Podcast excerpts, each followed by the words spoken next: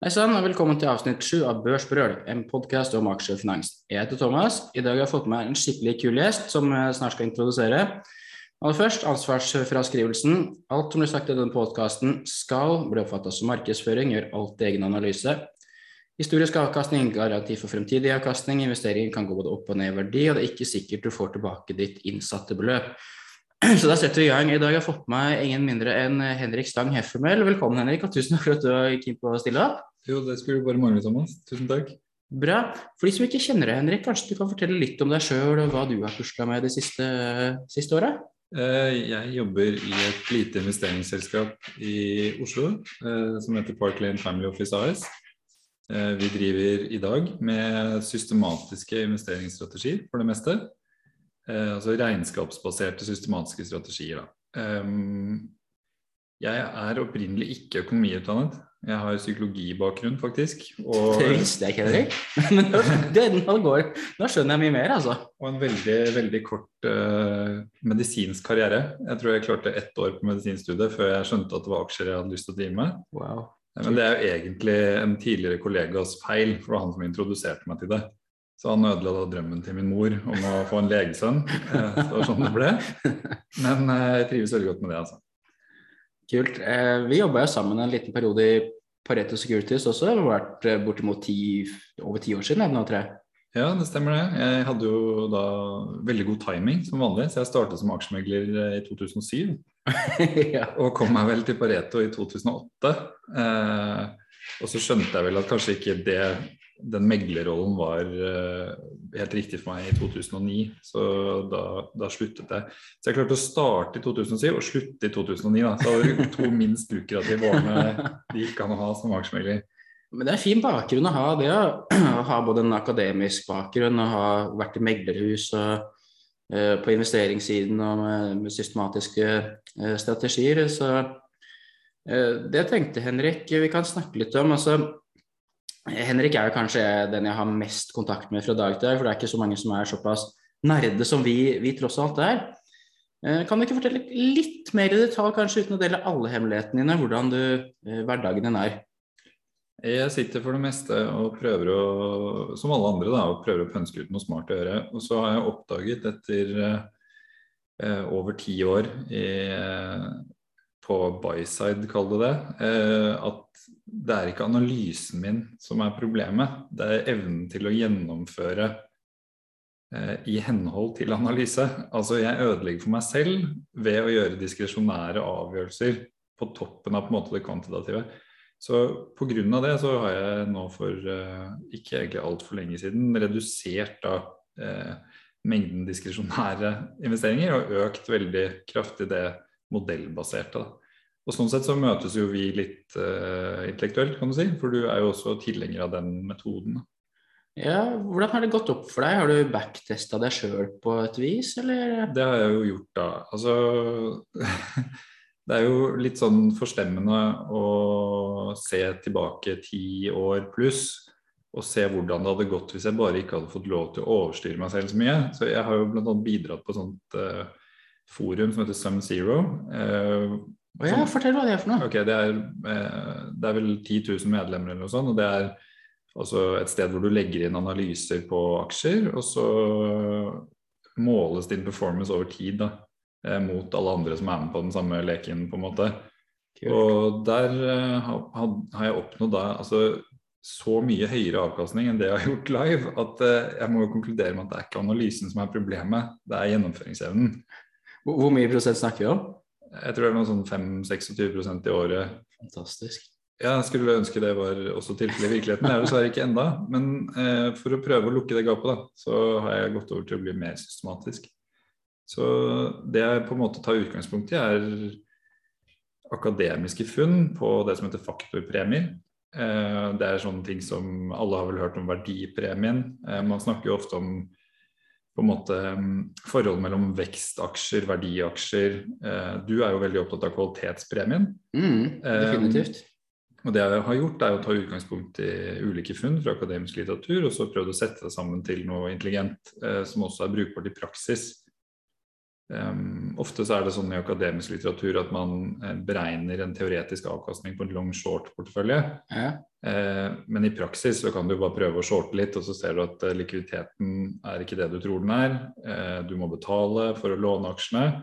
Eh, man gjør en del antakelser i akademisk litteratur som ikke jeg tror reflekterer noe du kunne gjort i virkeligheten. Så jeg velger f.eks. å ikke være short. Eh, og så slår jeg sammen da, og prøver å, å tvike disse ulike funnene til det man gjerne kaller en multifaktormodell. Så F.eks. så vil jeg gjerne ha både verdipremien, kvalitetspremien og momentumpremien. Det må jo være utrolig komplisert å, å gå til bunns i. Bruker du noe spesielt dataverktøy til det, og hvilke kilder har du til, til det? Eh, nei, altså egentlig så er det jo ikke så veldig komplisert. Jeg må også si at jeg bruker ikke på en måte en sånn klassisk akademisk tilnærming, hvor man gjerne gjør ulike regresjoner og sånn. Eh, eh, I hvert fall ikke i så veldig stor grad. Jeg tar utgangspunkt i at jeg er en fundamentalt orientert investor. Så Ja. jeg finner karakteristika basert på regnskapstall. Eh, Ja, altså noe mindre teknisk analyse, men, men i hvert fall mye fun- fundamental analyse i det du Ja, det er ikke særlig mye teknisk analyse involvert. Jeg har innimellom et trendelement i noen Ja. av modellene, men det er stort sett bare line items fra regnskap som går inn i, i modellene. Da. Og så tester jeg dem eh, ved hjelp av, av data fra Bloomberg og em, litt ulik programvare, hvordan det hadde fungert eh, historisk. Jeg vil gjerne ha et empirisk grunnlag for å si at dette eh, tror jeg vil fungere, fordi det har fungert tidligere. Så må vi liksom både henge logisk på grep og, og ha fungert empirisk sett. da. Ja, det der er det stor, stor sansen for. Det veit jo, og det, det er også Henrik som har lagd backtesten på Veritas, som jeg har hatt utrolig stor nytte av. Takk, Henrik. Det, Det det har jeg aldri klart sjøl. Jeg kommer sikkert til å spørre om flere sånne tjenester seinere. Du skriver også i Value Investors Club. Hva, hva er det for noe? Det er en uh, investor som heter Joel Greenblatt, som er kjent for å skrive bl.a.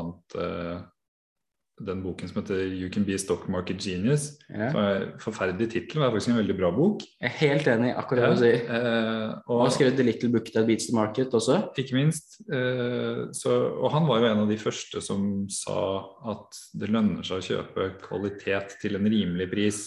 Ja. Ikke nødvendigvis det som er billigst. Men, men eh, det var en digresjon. Det som Value Investors Club er, er et sånt slags forum hvor det er relativt trangt nåløye for å bli medlem. Eh, og så forventes det at du bidrar med et par ideer i året. Ja. Eh, og der er det vel en 250-300 medlemmer nå, tror jeg. Hvordan blir man medlem, hvis man ønsker det? Jeg skal eh, prøve det. ja, nei, Man må rett og slett bare skrive en analyse og sende inn. Altså, hvem som helst kan sende inn en søknad. Og så er det heller ikke uvanlig at man må prøve flere ganger. Eh, det virker litt tilfeldig hvordan det der opptaket fungerer. For jeg, jeg syns ikke min idé som jeg ble tatt opp på, var så innmari bra. Hvilket selskap skrev du om, eller hvilken idé var det du Det var Ekornes, faktisk. Ekornes? Ja. Gode gamle. Gode gamle Ekornes i sin tid. Det var 20 var 13-14 eller noe sånt. Ja. ja.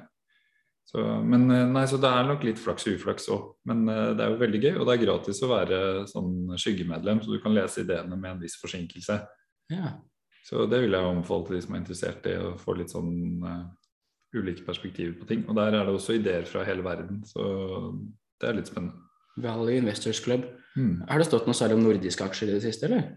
Det er noe. Det blir flere og flere nordiske medlemmer, har jeg inntrykk av. I hvert fall Ja, folk som ser på Sverige og Danmark og i relativt liten grad Norge, men det hender. Da kan du få alle mulige ideer til fra tradingstrategier til langsiktig eh, mer compounding-strategier eller faktorer, er det alle mulige slags Det er eh, stort sett enten sånn eh, Kall det veldig lang, langt perspektiv-ideer. Eh, men også en del sånn i Greenblads ånd, da, med spin-offs og rights issues og forskjellige sånne ting. En ting jeg liker med Greenblatt, som jeg tror du også har litt til felles, det er at eh, den kombinasjonen av å være en akademisk tilnærming altså Greenblatt er vel professor, jeg husker ikke hvilket eh, universitet han eh, under- eh, underviser på, men også da vært uh, jobba som eh, hedgefondmanager i en rekke år med en us- usannsynlig høy avkastning. Så det er ikke så mange som klarer å kombinere det der sånn med den akademiske tilnærmingen og uh, faktisk sette det ut i praksis. da. Nei, nå er jo på en måte juryen fortsatt ute på hvordan dette kommer til å fungere. Da. For jeg har ikke holdt på så lenge, men resultatene hittil er i hvert fall lovende. Så, så får vi se hvordan det går. Det er jo eh, skal holde på i ganske mange år før du kan si om det er noe skill involvert. Det har vi jo snakket om mange ganger. Ja, ja. Nei, jeg tror det er masse skill involvert. Jeg- Eiendomsfondet jeg forvalter, er jo opp 16 i år, så jeg er nødt til å være genial. ikke sant? Selvfølgelig. Jeg har jo glemt at du var ned 40% i fjor. Ja, ja.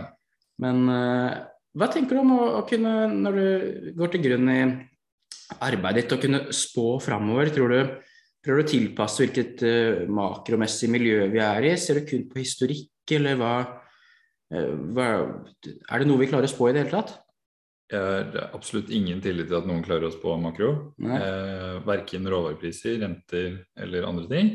Men når det er sagt, så kan man jo tenke altså Makro er kjempeinteressant. Det er lett å rote seg bort i det, syns jeg. Og når jeg har hatt liksom et veldig sterkt makrosyn, så syns jeg at jeg har en veldig dårlig tracker. Sikkert dårligere enn 50-50. Ja. Så det jeg egentlig har bestemt meg for isteden, er å tenke på å være makrorobust. Så hvis du ser at porteføljen din har en veldig overvekt av selskaper som er råvaresensitive f.eks., Ja. eller rentesensitive, så kan det være greit å lage en eller annen form for constraints rundt hvordan porteføljen som helhet skal se ut. Det tror jeg er en mer fornuftig tilnærming. For jeg tror det er eh, helt umulig å spå makro. ja. Men, så du bruker ikke veldig mye tid på altså, analytikere, generelle aksjeanalyser, targets, eh, Nei, estimater? Nei, eh, særlig, særlig sånne korte estimater og sånn syns jeg ikke er så interessant. Men jeg vil, vil jo understreke liksom at jeg går ikke rundt og tror at jeg er smartere enn analytikerne som jobber i meglerhus. Det handler ikke om det. Eh, jeg, jeg hadde aldri klart å konkurrere med dem på presisjon på neste kvartal eller den type ting. Jeg tenker bare at, eh, at det som lønner seg for meg, er å eh, gjerne bruke selvside-analyser som input hvis jeg eh, skal gjøre en diskresjonær avgjørelse. Men i det systematiske arbeidet mitt så gjør jeg ikke det. Da bruker jeg bare regnskapstall eh, og modellerer det og forholder meg kun til det. Verken makro eller noen konsensusestimater eller, eller noe sånt. Hvordan kan, kan du dele med oss en sånn typisk strategi du ville prøvd å teste ut og potensielt eh, sette til livs etter hvert? Eh, ja, det kan jeg gjøre. Jeg tror på eh, på en måte For hvert kriterium i en modell, så tror jeg også det er viktig å, å prøve å ikke være sårbar i den forstand at du har for mye tillit til ett nøkkeltall, f.eks. Så hvis man begynner med at jeg vil ha en verdipremie, så vil jeg ikke bare se på prisbok, som er det klassiske verdikriteriet. Jeg ville sette sammen en del prisingskriterier. Det kan være EV til fri kontantstrøm, price sales, PE, prisbok, alle sammen. Kanskje lage en C-score, og så få et uh, mer sånn ensemble-kriterium som jeg bruker da. Mm. Uh, og så vil jeg kanskje bruke noen eh, andre kriterier til å, å raffinere det litt. Grann, ved å si at jeg f.eks. ikke vil ha med selskaper som har hatt negativ topplinjevekst det siste året. Mm. Uh, ikke ha selskaper som har over en viss gjeldsgrad. Eh, og jeg tror man kommer langt med å sette sammen porteføljer på den måten. Så i den strategien jeg bruker nå, så har jeg et kvalitetskriterium. Eh, som handler om egenkapitalavkastning. Så både return on equity for så vidt og, og ROIC. Men man kan også si det sånn at eh, litt enklere forklart, da, så, så gjelder det å sette sammen de forskjellige aspektene eh, til ett. Istedenfor å ha bare en verdistrategi som er veldig sårbare perioder, så lager du en strategi som vil kunne klare seg i mange ulike klimaer. Så um, f.eks. ha egenkapitalavkastning, vekst, marginstabilitet, som jeg vet du bruker, Ja. eh, og gjeldsgrad. Og så vil jeg da sortere universet eh, basert på en total rank da, på de kriteriene. Og så kanskje velge de 20 beste aksjene. Det er liksom det jeg gjør i, i hovedstrategien hos meg. Nå håper jeg kanskje litt, Henrik, men en ting som vi har diskutert mye, som jeg ofte har spurt deg om, og du har jo mye bedre grunnlag med din akademiske tilnærming enn meg som tar det litt mer på fra ofte, er jo hvor ofte skal man rebalansere? Bør man handle mye eller handle lite? Hva viser dataene der? Eh, Jeg synes det, Uten at jeg har fasit på det, altså, men jeg syns det virker som at eh, det å være veldig aktiv og rebalansere veldig hyppig, det kan se veldig bra ut på papiret. Men når du prøver å gjøre det i praksis, så ser du at det blir fryktelig dyrt. Og det handler jo eh, om at det som tar deg der, er jo ikke på en måte det du betaler i kurtasje, men det er jo avstanden mellom det som er teoretisk pris for det du skal kjøpe eller selge, og det du faktisk handler på.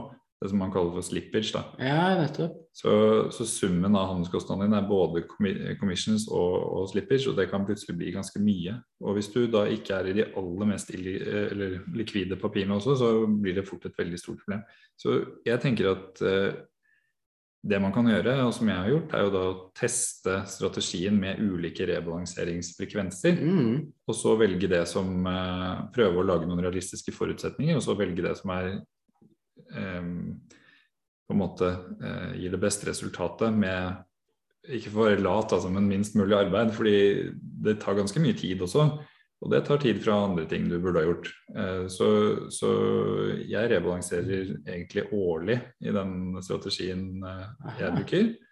Eh, opprinnelig så var tanken å gjøre det månedlig, men så ser man i praksis at det blir fryktelig mye penger som, går, som blir borte da, i handelsaktivitet.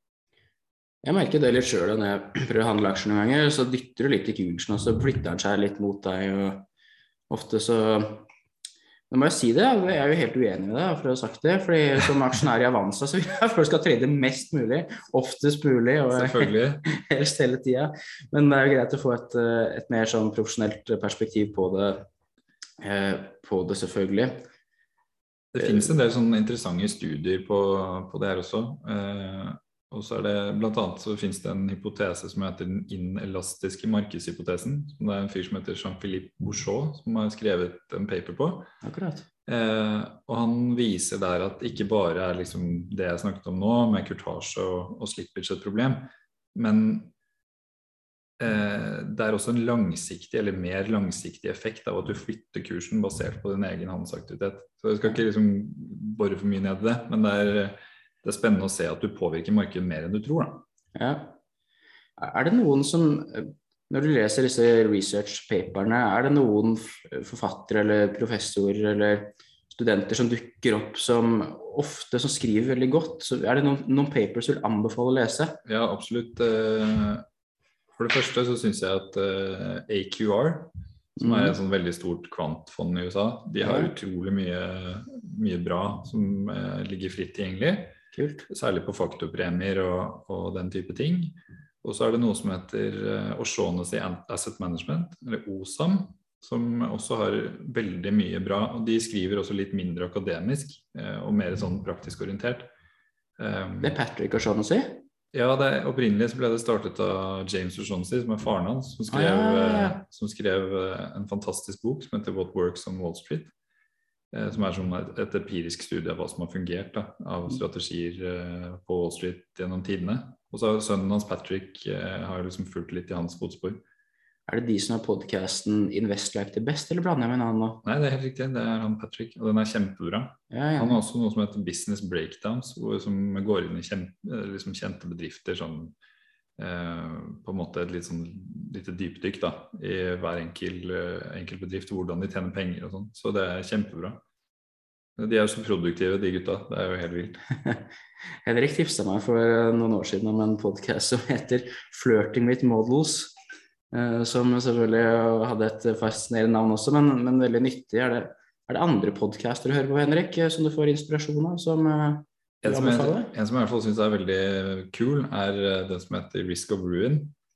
Som, har jeg eh, ikke hørt om, jeg. Han eh, kaller seg vel Half Kelly på Twitter, han som har den. Jeg har glemt hva han heter i virkeligheten. Men uh, han, er, han er profesjonell gambler, av jeg Oh, ja. Så han driver og intervjuer folk som er kanskje profesjonelle pokerspillere eller sportsgamblere, eller eh, Men også liksom folk som trader gass eller hva som helst. Og har et sånt eh, Det er liksom skjæringspunktet skjæringspunkt mellom gambling og investering. Det er innmari gøy. Så det liker jeg veldig godt. Og så mm, av andre ting så må man selvfølgelig nevne børsbrød. Ja, ja. De er- Absolutt. de er her allerede. Uh, Det finnes jo masse. Er, hvis man er litt sånn interessert i ting som ikke er veldig finansielt orientert, så syns jeg også at How I Built This, som vel er PBS, uh, er kjempemorsom. Hvor det er intervjuer med gründere av ulike bedrifter, og hvordan de liksom bygget seg opp. Så, og det kan være alt fra liksom, et lite selskap som driver med energidrikker, til uh, Spotify. Liksom. Det, det, er veldig kult. Kult. Litt av grunnen til at vi sitter her i dag, Henrik, også, er at uh, vi har tenkt å prøve å starte det sammen. Jeg har jo nevnt tidligere på Twitter at uh, det var fint å kunne ha noen, at finne et par som har litt ok kjemi. Det er snakka om forskjellige ting. Og, og det er noe vi er i ferd med å prøve å, å få til. Hvilke ambisjoner har du med det vi skal prøve å få gjøre sammen, Henrik? Jeg syns det er liksom fascinerende å se at folk har ulike tilnærminger til hvordan de eh, velger å investere. Og folk fra ulike perspektiver har jo også lykkes med å bli eh, på en måte legendariske investorer. Ja. Eh, så, så, hvordan angriper de ulike menneskene problemstillingen med å skape meravkastning? Altså, bare for å ta et konkret eksempel som er liksom close to home, da, så er det jo du og Martin Mølsæter har jo veldig forskjellige tilnærminger. Absolutt. Eh, og etter mitt skjønn så er dere begge innmari flinke. Eh, men det er jo spennende å høre da hvordan han tenker i podkasten din, som sikkert mange av lytterne dine har hørt allerede. Eh, og, og, liksom se på kontrastene med din tilnærming. Så jeg tenker at det å gjøre det, å få folk med litt ulik bakgrunn og tilnærming til å fortelle om seg og sitt, og så kanskje prøve å trekke noen konklusjoner til slutt om, om hvordan man bør gå frem. Da. Det gleder jeg meg skikkelig til. Jeg er enig i alt du sier. og tror på veldig det der å, å kunne gå litt mer i dybden på ting. Da. Ofte når jeg har lagd mine Børsbrød-podkaster, så har det vært eh, til dels overordna, men å gå mer i dybden på ganske viktige, interessante eh, finansielle temaer, tror jeg eh, kan være veldig sånn nyttig nyttig for de som er interessert i det. Og som du sier, så er det mange veier til, til Rom her. og Jeg hadde jo Martin Melsæter med da, for en, et par-tre episoder siden. og Han har en helt annen vei til, til, til Roma enn, en jeg og, og, vi har. Så det, så det, skal bli gøy. Har vi funnet noen navn ennå, eller? Ikke funnet noen navn ennå, men vi jobber med saken. ja. Ja. Er det noen som har noen gode tips, så uh, lytter vi til det. Eh, apropos liksom, type gjester og sånn vi skal ha, så får vi finne ut det litt etter hvert. Men har du noen idoler som du ser opp til? Vi har snart vært innom noen personer allerede som har skrevet eh, papers, som har lagd podcaster. Men eh, er det noen du trekker fram som, som du har lært mye av? Ja, jeg syns jo det er liksom overraskende hvor mye du kan få ut av å være på Twitter. Ja. Så jeg kommer i kontakt med masse spennende mennesker. Og både han Corey Hofstein, som har eh, den podkasten som du nevnte, 'Flirting with Models', og, og Shaughnessy og flere andre er jo liksom folk du faktisk får direkte kontakt med, og som kan sette deg på sporet av ting du lurer på. Eh, så, så, de to er jo i hvert fall verdt å nevne. Og jeg syns jo også som sagt AQR og Cliff Asnes, som vel er den mest kjente personen derfra, ja. har jo vært eh, liksom, Han har forfattet utrolig mye kult som man kan få fri tilgang til. Eh, ellers så er det jo liksom Det er jo folk man liksom kan eh, beundre her i Norge òg, men av frykt for at det skal bli awkward når jeg møter dem, så, så skal jeg ikke nevne navn. Nei, nei, nei, jeg er helt enig. Vi, eh, vi skal prøve å få til mye, mye bra der. Eh, men i, arbeidet ditt eh, Henrik, så er det jo veldig systematisk å, følge strategier og faktorer. Og på mange måter samme som meg. Altså, noen ganger så føler jeg liksom et behov for at jeg må møte noen selskaper og snakke med folk og sånn bak for å sjekke at det her stemmer. Hvordan tenker du rundt det? Nei, det, Jeg prøver jo å lære av egne feil. Altså, før så var jeg mye rundt og møtte selskaper og sånn. Um, og, og, snakket med ledelsen og, så oppdaget jeg vel egentlig at jeg ikke har noen som helst forutsetning for å vurdere om folk er gode ledere eller ikke. Nei. Og det skulle jo egentlig bare mangle. Jeg har ikke vært trener for min egen sønns fotballag engang, så hva vet jeg om det? Så, så, og etter et par sånne solide feilvurderinger av management i den settingen, så tenkte jeg at dette får jeg nesten overlate til noen andre. Så jeg møter ikke selskaper eh, i noen særlig grad eh, lenger, egentlig. Nei, ja, der jo, deler vi litt sånn der i veien vi har kommet til. Jeg også har jo brukt mye tid på det og vært analytiker i mange år. og jeg tror jo det at eh, Hvis selskap er bra, så vil det synes i tallene, og vice versa. Du har typisk ikke flaks i ti år på rad, eller uflaks i ti år på rad. Da er det sannsynligvis at du er flink eller ikke flink. Men, men når det er sagt, selv gode selskaper kan jo gjøre det dårlig på børs. Ja, det er klart det, det kan skje. Men det er liksom noe jeg har tenkt over. fordi jeg skulle gjerne hatt evnen til å vurdere folks lederegenskaper eller eh, karisma eller hva som helst, hva man tror er viktig. Men eh, og så er det jo Man møter ofte en innvending da, når man sier at man møter ikke management. At eh, ja, men det er jo så viktig, og hvordan kan du se bort fra det og sånn. Og så tenker jeg at det, det har de nok rett i, og gitt at man hadde følt at man hadde forutsetninger for å vurdere ledelsen, kanskje man hadde gjort det likevel. Men så er det sånn at det innebærer jo også et sett med risiko, det òg, da. Så. Hvis du investerer i et selskap basert på at du syns at uh, hun som er sjef der, er, eh, er fantastisk flink, uh, så har du jo på en måte betta på henne, da. Eller han, eller hvem som helst. Og, og la oss si at det skulle skje noe med dem privat da, som forstyrrer deres dømmekraft, eller eh, hva som helst, eh, så, så, så vil du jo liksom løpe en risiko ved å satse på et menneske, istedenfor å satse på regnskapstallene, for å si det litt sånn Ja, ja. enkelt. Og, så, så, så jeg vet ikke om det egentlig er noe tryggere. Og det er også sånn, eh, dette mener jeg 100% det er ikke sikkert at jeg har rett i det, men jeg tror at ledelse er viktigere jo dårligere selskapet er. Mm. Jo vanskeligere er konkurransesituasjonen er, jo, jo mer stressende en likviditetssituasjon f.eks. er i et selskap, jo viktigere er det jo at ledelsen foretar riktige valg. Mens på den andre siden så kan du si at når selskapet er skikkelig bra, så har det jo ikke noe å si om det sitter en total pølse på toppen, for det går ikke helt liksom eh, til grunne uansett.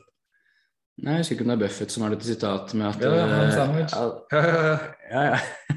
At eh, du skal eie et selskap som selv en idiot kan lede for det føles henne, så blir det akkurat det. Ja, ja. Så, så Ja, men Det er et godt poeng, jeg hadde tenkt på at det er viktigere et dårlig selskap, men det, men det makes uh... Ja, altså om å kalle det dårlig eller ikke, men, men la oss si at du er i et syklisk selskap, for å bruke en mer sånn eh, nøytral term, Ja. så må det jo være mye viktigere å gjøre de riktige avgjørelsene der enn i et selskap som har mye mer steady cashflow, stabile marginer, ikke er så avhengig av eksterne faktorer. Så, Kan vi trekke det her litt sånn videre til psykologien? Jeg vet at du Vi snakka om det før vi gikk på her. eh, Boka til Kahneman som heter 'Noise', der man også blir prega av ulik støy. og og det møter en veldig sånn karismatisk leder som er veldig flink til å prate, så, så er det kanskje lettere å, å falle vet for det, ikke sant? Ja, ja. Det, det der er, jeg- for jeg har prøvd å systematisere det litt grann, hvert fall fra historisk. Jeg har møtt mange selskaper. Jeg fulgte jo IT-selskapene, da. Og der var det jo mange som var forulente, for å si det sånn. Men så var det noen få som ikke var det. Hvis du ikke du har bakgrunn for om personen er i utgangspunktet veldig sånn positiv eller negativ, skal du bli prega over akkurat den ene gangen. Da. Han der så, han så bare ned. og Mm. Det der tror jeg ikke går noe bra. Og så kanskje du er sånn som person, da. Ja, det kan jo bare vært at han har kranglet med kona på morgenen, liksom. Det er jo ikke mulig å egentlig trekke så veldig mye ut av det. Det er en sånn farlig sak med å møte, møte folk uten å ha nok bakgrunn på det. Ja, nei, når, når dette er sagt, da, så, så kan det jo kanskje være nyttig. Eh, man trenger jo ikke være 100% systematisk eller 100% diskresjonær. Det finnes så mange eh, ting imellom der. Men man kan jo bare f.eks. se til rød flagg. Ja. Det er jo ikke så dumt. Så Hva kan et rødt flagg være? Nei eh, Det er en riktig vurdering jeg har gjort en gang, var en fyr som omtalte et børsnotert selskap som sitt selskap hele tiden. Ah, ja. I selskapet mitt så gjør vi ditt, Oi. og da gjør vi ikke datt og sånn. ja, det er ikke bra. Ja, de solgte jeg med en gang, de aksjene. Det ble faktisk skikkelig dårlig òg etter hvert, så jeg er glad for det. Så det var en av de riktige vurderingene. Men, eh, eller folk som blir tatt i å ljuge, f.eks. Eh, foretar eh, disponeringer eller gjør ting privat som er umoralsk eller, eller liksom på en annen måte tvilsomt. Det vil jeg jo i så fall vektlegge, da, hvis jeg Ja. skulle begynne å, å gjøre det. Jeg tror kanskje det er nesten viktigere enn å eh, vurdere hvorvidt de liksom er karismatiske eller om de er så innmari flinke. Tenk hvor vanskelig det egentlig er å vurdere. Kjempevanskelig. Men det er helt enig. Jeg, er jeg prøver å være veldig lite emosjonell, eller i hvert fall i jobben. Jeg sitter jo og griner hjemme og ser på film eh, hver søndag, men eh, i jobben så prøver jeg å la være på det. Men det var én gang så gjorde jeg det. Jeg møtte, det var faktisk eh, Citica, name-droppet i et eh, finsk eiendomsselskap. Etter å ha gjort et stort oppkjøp, og jeg var så sinna etter det møtet. Jeg gikk hjem og bare spyrte ut alle aksjene jeg hadde. Det var faktisk en riktig avgjørelse å sette, se tilbake på. Da. Men jeg tror det, kanskje det er mer eh, unntaken man, eh, man gjør det på. Men når du Dette, kjører ja, men dette er jo liksom et poeng i seg selv. Altså? Disse observasjonene sånn i isolasjon, de har jo har jo ikke noe prediktiv verdi hvorvidt vi gjorde det riktig eller feil den gangen. ikke sant? Og eh, Hva slags grunnlag er det å basere ting på? Vi, mennesker er jo generelt sånn at de er skrudd sammen at de, de ser jo verden fra sitt perspektiv og sine erfaringer, men er ikke sikkert det er relevant. Nei, det er veldig fint du satte meg litt på plass på det der, for det der er jo eh, en sånn psykologisk bias, og det der kan jo du mye bedre enn meg. Men om, om bestemora di røyker og ble 110 år, så er det ikke sikkert det er smart å røyke, da, ikke sant? Nei, det er litt sånne ting som jeg tenker på på en måte, på en måte jeg, og må jo også si da, og måte utlevere meg selv litt, at jeg studerte de der Kanemann-greiene på universitetet i sin tid. Det var før den boka kom ut. Ja, Så jeg burde jo hatt liksom fem til ti års forsprang på folk. ja. Det har ikke hjulpet meg noen ting. Selv om jeg er klar over alle de tankefeilene vi gjør, så har jeg ikke latt være å gå i de fellene selv. Såkalt blind spot bias. Ja, så, så den eneste konklusjonen jeg kunne trekke til slutt, var at jeg må prøve å systematisere mest mulig. Og få meg sjæl ut av veien. Eh, og foreløpig syns jeg det ser ut til å fungere helt utmerket. Ja, det var egentlig min konklusjon også, at uh, systematiserte alle feil og for så vidt eh, gjort riktig tidligere òg, men det var ofte den psykologiske ting som gjorde at jeg tok feil. da.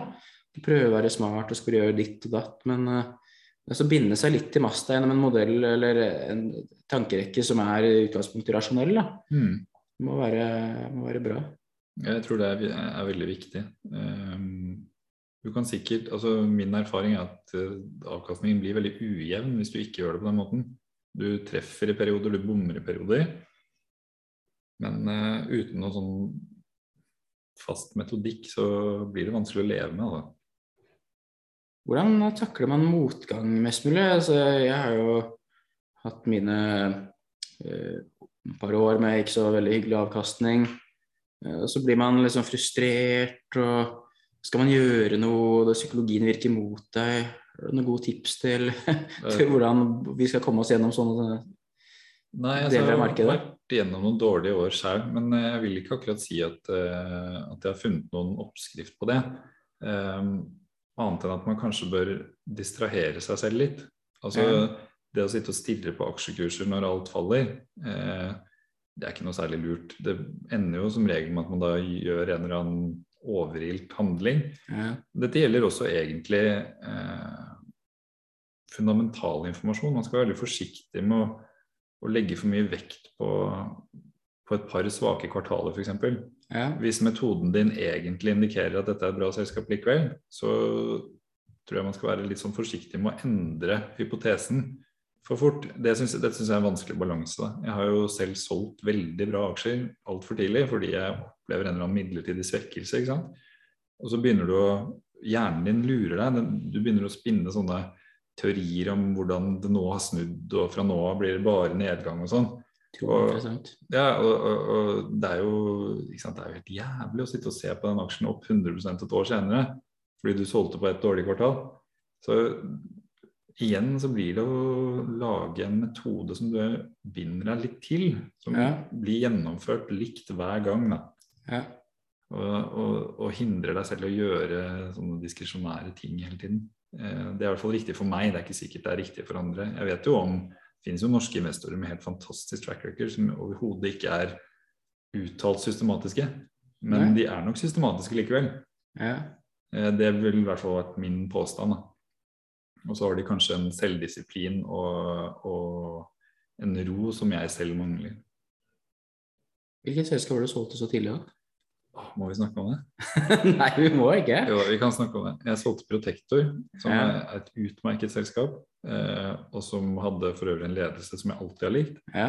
Eh, men jeg klarte allikevel å overbevise meg selv om at det nå hadde snudd, og nå skulle det bli svakere fremover, og underwriting-disiplinen var svekket, og det var et dårlig tegn, osv. Eh, og så gratulerte jeg meg sjøl når jeg hadde solgt og aksjen fort- fortsatte å falle. ja. Og, men så bundet aksjen ut igjen, og nå har den vel gått åtte ganger siden den gang. Så istedenfor å tjene 100 pluss, så endte man opp med å tape kanskje 30-40.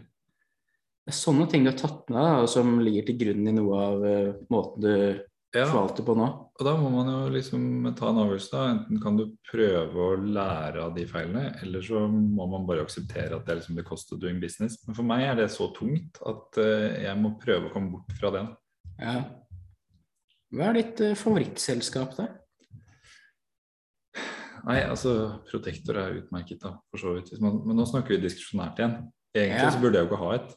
Nei Men, men hvis jeg skal velge ett i hele verden, da Ja, som ville skåret godt på modellene dine, eller ja, eh, Hvis jeg kjører modellene mine på et europeisk univers og ikke Norden som jeg pleier, så blir det Louis Vuitton som er, eh, er eh, LVMH, altså. Som er etter min mening kanskje det beste selskapet i verden. Dessuten er det jo dritsvært og kjempelikvid, så det er jo lett å handle i tillegg. Men man ser på hva de har fått til, hvilken markedsposisjon de har, hvordan selskapet tenker langsiktig.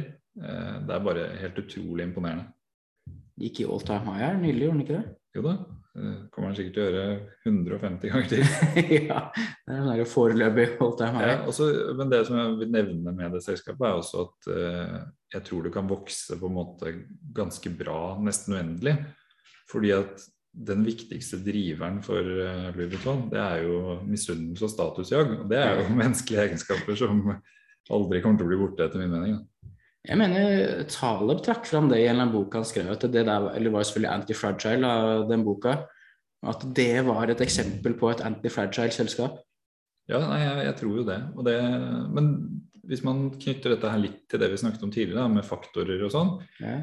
Så tror jeg at en av nøklene til å lage en systematisk modell som skal virke over lang tid, er at de faktorene, eller eh, de driverne som du da har som en del av modellen din, er rimelig tidløse. Hvis du baserer en systematisk modell på en markedsstrukturell eh, rar greie, Ja. eksempel Så, så er det ikke noe vanskelig å påvise at historisk så lønner det seg å kjøpe aksjer eh, rundt den 25. i måneden og selge den 4.-5. neste måned. Ja. Da tjener du omtrent like mye penger som på buy and hold, Ja. eh, og med vesentlig mindre eksponering. Så helt overlegen risikojustert avkastning. Det visste jeg ikke. Er det folk tegner i aksjefond eh, og sånn første hver måned. Det kan man jo bare spekulere i, men man regner nesten med det. da, At forvaltere er, gjerne gjør eh, en del disponeringer i begynnelsen av måneden. Kanskje det kommer inflows før månedsslutt, eller hva som helst. Men det er jo ikke noe liksom jeg hadde vært villig til å satse på i fremtiden.